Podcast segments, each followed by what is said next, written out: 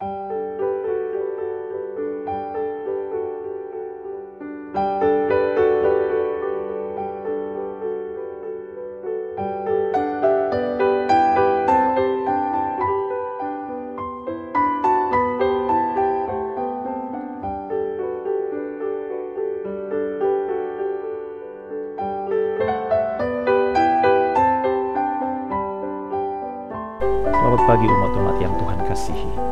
bersama. Kita bersyukur kepada Tuhan untuk waktu yang Tuhan berikan.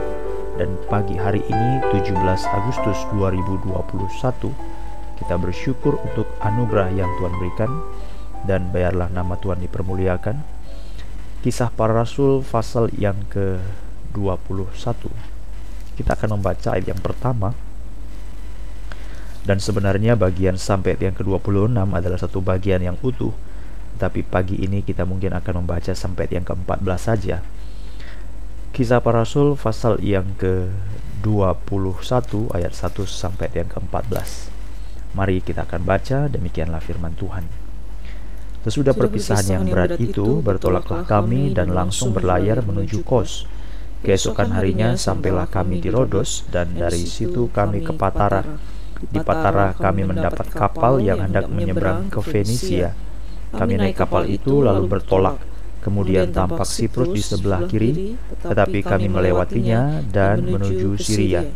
Akhirnya tibalah kami di Tirus, sebab muatan kapal harus dibongkar di kota itu. Jadi ini rute-rute perjalanan yang disampaikan ayat yang keempat. Di situ kami mengunjungi murid-murid dan tinggal di situ tujuh hari lamanya. Oleh bisikan roh, murid-murid itu menasihati Paulus supaya ia jangan pergi ke Yerusalem, tetapi setelah lewat waktunya, kami berangkat meneruskan perjalanan kami. Murid-murid semua dengan istri dan anak-anak mereka mengantar kami sampai keluar kota, dan di tepi pantai kami berlutut dan berdoa. Sesudah minta diri, kami naik ke kapal, dan mereka pulang ke rumah. Dari Tirus, kami tiba di Ptolemais, dan di situ berakhirlah pelayaran kami. Kami memberi salam kepada saudara-saudara dan tinggal suatu hari di antara mereka pada keesokan harinya kami berangkat dari situ dan tiba di Kaisarea. Kami masuk ke rumah Filipus pemberita Injil itu, yaitu satu dari ketujuh orang yang dipilih di Yerusalem dan kami tinggal di rumahnya. Nah, ini Filipus yang bersama-sama dengan Stefanus martir pertama, satu dari diaken yang dipilih di Yerusalem beberapa waktu yang lalu, saudara-saudara. Sekarang kita lanjutkan ayat yang ke-10. Ayat yang ke-9. Filipus mempunyai empat anak darah yang beroleh karunia untuk bernubuat. Setelah beberapa hari kami tinggal di situ, datanglah dari Yudea seorang nabi bernama Agabus. Ia datang pada kami, lalu mengambil ikat pinggang Paulus sambil mengikat kaki dan tangannya sendiri. Ia berkata, "Demikianlah kata Roh Kudus: Beginilah orang yang empunya ikat pinggang ini akan diikat oleh orang-orang Yahudi di Yerusalem dan diserahkan ke dalam tangan bangsa-bangsa lain. 12 Mendengar itu, kami bersama-sama dengan murid-murid di tempat itu meminta supaya Paulus jangan pergi ke Yerusalem. Tetapi Paulus menjawab, "Mengapa kamu menangis dan dengan jalan demikian mau menghancurkan hatiku? Sebab aku ini rela bukan saja untuk diikat, tetapi juga untuk mati di Yerusalem oleh karena nama Tuhan Yesus. Karena ia tidak mau menerima nasihat kami, kami menyerah dan berkata, jadilah kehendak Tuhan. Itulah ayat yang ke-14. Demikianlah firman Tuhan. Umat-umat yang dikasih Tuhan, kita bersyukur kepada Tuhan pada waktu kita melihat bagian-bagian kitab suci, menuntun kepada kita pengertian-pengertian tentang pekerjaan-pekerjaan Allah. Dan memang sambil kita membaca ayat ini, kita melihat suatu suasana yang semakin sedih, yang semakin haru, karena tidak lama lagi memang kita akan menemukan Paulus akan ditangkap, dan itu merupakan bagian dari titik yang semakin dekat dengan garis akhir pelayanannya. Ya, demikianlah orang-orang yang percaya dan melayani Tuhan betul-betul menjadi satu ikatan yang betapa menjadi suatu hal yang terkait dengan diri kita. Waktu kita membaca firman Tuhan dan kita sebagai orang yang percaya, Nah, ada satu hal yang kita mungkin berpikir kalau kita baca ayat ini, ada berulang kali Roh Kudus menceritakan apa yang akan terjadi dengan Paulus. Tetapi di lain sisi kita temukan kenapa Paulus itu sepertinya tidak mendengarkan apa kata Roh Kudus ya. Jelas-jelas bahwa ada berbagai dan berulang kali Paulus diberitahu tentang keadaan bahwa dia akan ditangkap tapi kenapa justru dia itu melawan atau dalam tanda petik seolah-olah dia itu keras kepala maka malah dia mem membiarkan dirinya untuk tetap pergi ke Yerusalem. Memang ini adalah peristiwa di mana Paulus itu sedang bertolak menuju ke Yerusalem. Karena dalam ayat sebelumnya dia bertemu dengan orang-orang di Efesus, tetapi dia tidak ke Efesus lagi, dia suruh dari Miletus ke Efesus.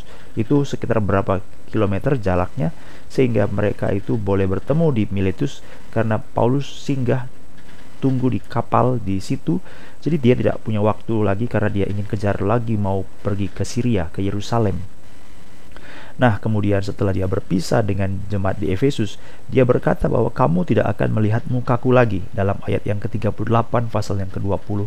Kamu tidak akan melihat mukaku lagi. Waduh, mereka sangat sedih, mereka bertangis-tangisan, mereka terseduh-seduh memeluk Paulus, berulang-ulang mencium dia.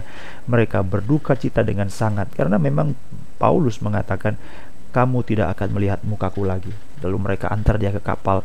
Dan hal yang sama terjadi dalam pasal yang ke-21 ayat 1. Bertolaklah mereka berlayar menuju Kos sekitar 40 atau 64 km, 40 mil. Jadi jaraknya sekitar 64 km ya, mungkin dari jarak dari Medan menuju Serampa sekitar 63 km lebih kurang sedikit, lebih sedikit. Dan mereka lagi berhenti di situ lalu teruskan perjalanan lagi ke Kos ke Rodos sekitar 112 km lalu berhenti lagi menyeberang lagi sampai ke Patara saudara-saudara sekitar 112 km jadi seolah-olah ini suatu gambaran yang kita bisa lihat mereka berlayar pada siang hari memanfaatkan angin di sepanjang tepi pantai itu garis pantai. Nanti malam mereka istirahat berhenti lagi kapalnya lalu nanti siang jalan lagi. Dan dari sinilah cara yang dipakai juga oleh Paulus oleh Tuhan tentunya dipakai untuk bertemunya Paulus dengan murid-murid. Dalam ayat yang ketiga, maka mereka menuju Syria, tibalah di Tirus, karena muatan kapal harus dibongkar, berhenti lagi, maka di situ mereka mengunjungi murid-murid di Tirus. Ayat yang keempat, oleh bisikan roh, murid-murid itu menasihati Paulus supaya ia jangan pergi ke Yerusalem. Lalu kalau kita baca lagi, tetapi setelah lewat waktunya, kami berangkat meneruskan perjalanan, murid-murid dengan istri mereka, anak-anak mereka antar ke kapal, lalu pergi lagi berlutut berdoa di sebelum berangkat. Ayat yang keenam sudah minta diri naik lagi kapal, mereka pulang ke rumah dari Tirus kami ke Ptolemais, di situ berakhir pelayaran kami dan memberi salam pada saudara-saudara tinggal satu hari di antara mereka. Di daerah Ptolemais saudara-saudara tinggal satu hari bersama dengan murid-murid lagi. Ayat 8 esokan harinya berangkat dari situ tiba di Kaisarea ini sekarang sudah darat. Kaisarea di kota di mana Cornelius di Kaisarea juga adalah kota di mana Filipus tinggal. Dan ayat yang ke-8 Filipus di situ tinggal. Ada empat orang anak darah yang punya karunia untuk bernubuat ayat 10 dan setelah beberapa hari tinggal di situ datanglah dari Yudea seorang nabi bernama Agabus. Jadi sama seperti ayat yang keempat ada oleh bisikan roh murid-murid menasihati Paulus supaya tidak pergi ke Yerusalem.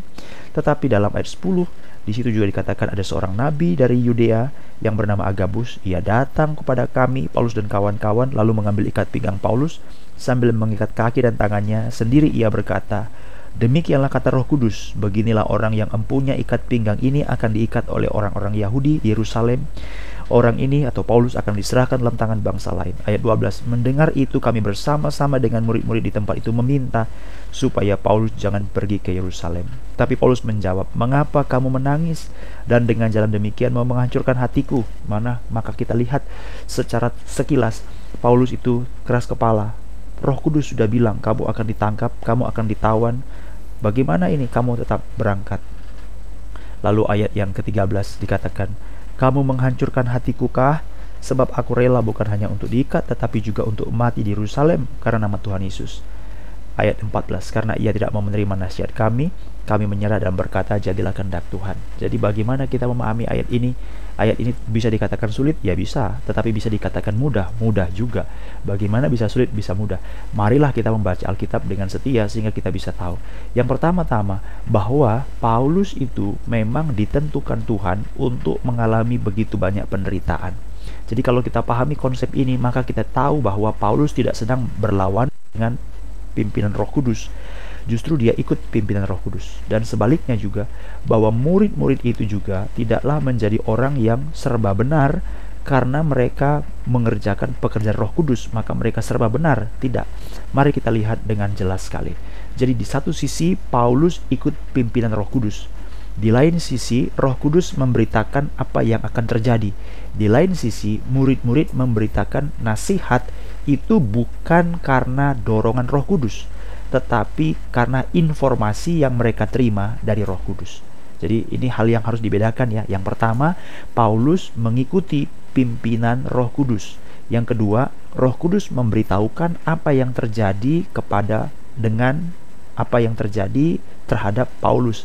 Yang ketiga, murid-murid menasihati berdasarkan informasi yang mereka terima dari Roh Kudus. Jadi dalam hal ini tidak ada yang keliru, saudara-saudara. Tidak ada benturan. Mari kita lihat pelan-pelan. Dalam ayat yang ke-13, Paulus mengatakan, Mengapa kamu menangis dan dengan jalan demikian mau menghancurkan hatiku? berarti tangisan daripada saudara-saudara itulah yang menyedihkan hati Paulus, bukan pemberitahuan dari Roh Kudus. Tetapi tangisan mula yang memancurkan hatiku, karena dalam ayat 13 dikatakan, Aku rela bukan saja diikat, tapi untuk mati di Yerusalem karena nama Tuhan Yesus. Kalimat ini bukanlah baru kalimat ini pertama kali Paulus katakan, tetapi sebelumnya kalau kita baca dalam pasal yang ke-20 Saudara-saudara, dalam pasal yang ke-20 maka kita temukan juga bagaimana Paulus mengatakan kalimat ini dengan sangat jelas sekali. Dia berkata, "Aku tidak tahu apa yang akan terjadi kepadaku." Ayat 22 sebagai tawanan roh. Aku pergi ke Yerusalem, aku tidak tahu apa yang terjadi atas diriku sendiri selain daripada yang dinyatakan Roh Kudus kepadaku bahwa penjara dan sengsara menunggu aku. Jadi Paulus tahu bahwa dirinya itu mengikuti pimpinan Roh Kudus. Pimpinan Roh Kudus. Jadi dia pergi ke mana, dia tahu bahwa dia ikut pimpinan Roh Kudus. Dan Roh Kudus menyatakan, ini bagian yang kedua, bahwa dia memang akan mengalami sengsara. Jadi di mana tempat dia mengalami sengsara? Di mana tempat dia mengalami sengsara? Maka dalam pasal 21 ayat 4 oleh bisikan roh jadi Roh Kudus memang sudah kasih tahu bahwa di mana tempat Paulus pergi akan ada sengsara. Pasal 21 ayat yang ke-10 ada nabi yang berkata bahwa ikat nanti tangan demikianlah Roh Kudus mengatakan orang yang punya ikat pinggang ini ayat 11 diikat di Yerusalem dan diserahkan dalam tangan bangsa lain. Jadi betul-betul Paulus ikut pimpin Roh Kudus. Yang kedua, Roh Kudus memberitahukan. Kalau kita baca dalam Kisah Rasul pasal 9 ayat 16. Kisah Rasul pasal 9 ayat 16 Tuhan Yesus berkata kepada Ananias, Orang ini adalah alat pilihan bagiku, dan aku sendiri akan menunjukkan kepada dia betapa berat penderitaan yang harus dia tanggung. Jadi segala sesuatu ini tidak bertentangan saudara-saudara. Paulus ikut pimpinan roh kudus. Roh kudus menyatakan kepada dia bahwa kamu akan menjadi sengsara. Yang kedua, berulang kali Roh Kudus memakai orang-orang untuk beritahu bahwa Paulus itu akan mengalami penderitaan. Jadi, dalam bagian ini Roh Kudus tidak memberikan perintah, tapi Roh Kudus memberikan informasi, bukan instruksi, tapi informasi, bukan perintah, tapi memberikan pemberitahuan. Ini yang akan terjadi. Ini akan terjadi. Ini akan terjadi. Yang ketiga, kita pikirkan ya. Yang ketiga, berdasarkan informasi itulah, berdasarkan pemberitahuan itulah, berdasarkan berita itulah, bereaksi terhadap pemberitahuan yang diberitahukan itulah, maka murid-murid yang menasihati. Jadi nasihat itu bukan nasihat dari Roh Kudus, tapi nasihat itu dari nasihat murid-murid. Mari kita baca ayat 4. Ayat 4 pasal 21 ayat yang keempat. Dari situ kami mengunjungi murid-murid dan tinggal di situ tujuh hari lamanya. Perhatikan kalimat ini. Oleh bisikan roh, murid-murid itu menasihati. Jadi ada bisikan roh sebagai informasi, lalu ada nasihat sebagai respon terhadap informasi. Jadi ada informasi, hari ini oksigen itu naik. Jadi ada respon terhadap berita itu. Jadi karena oksigen naik, apa yang harus kita lakukan? Gitu.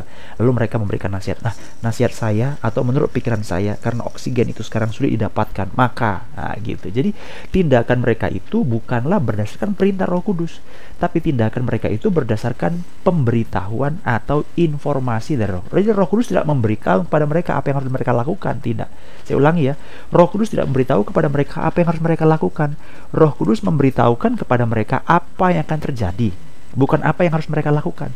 Jadi dari sini kalau kita baca ayat ini dengan baik, dengan jujur, dengan setia, maka kita tahu bahwa Paulus tidak ngelawan siapa pun juga. Justru Paulus itu ikut pimpinan Roh Kudus. Kenapa? Roh Kudus sudah beritahu apa yang akan terjadi.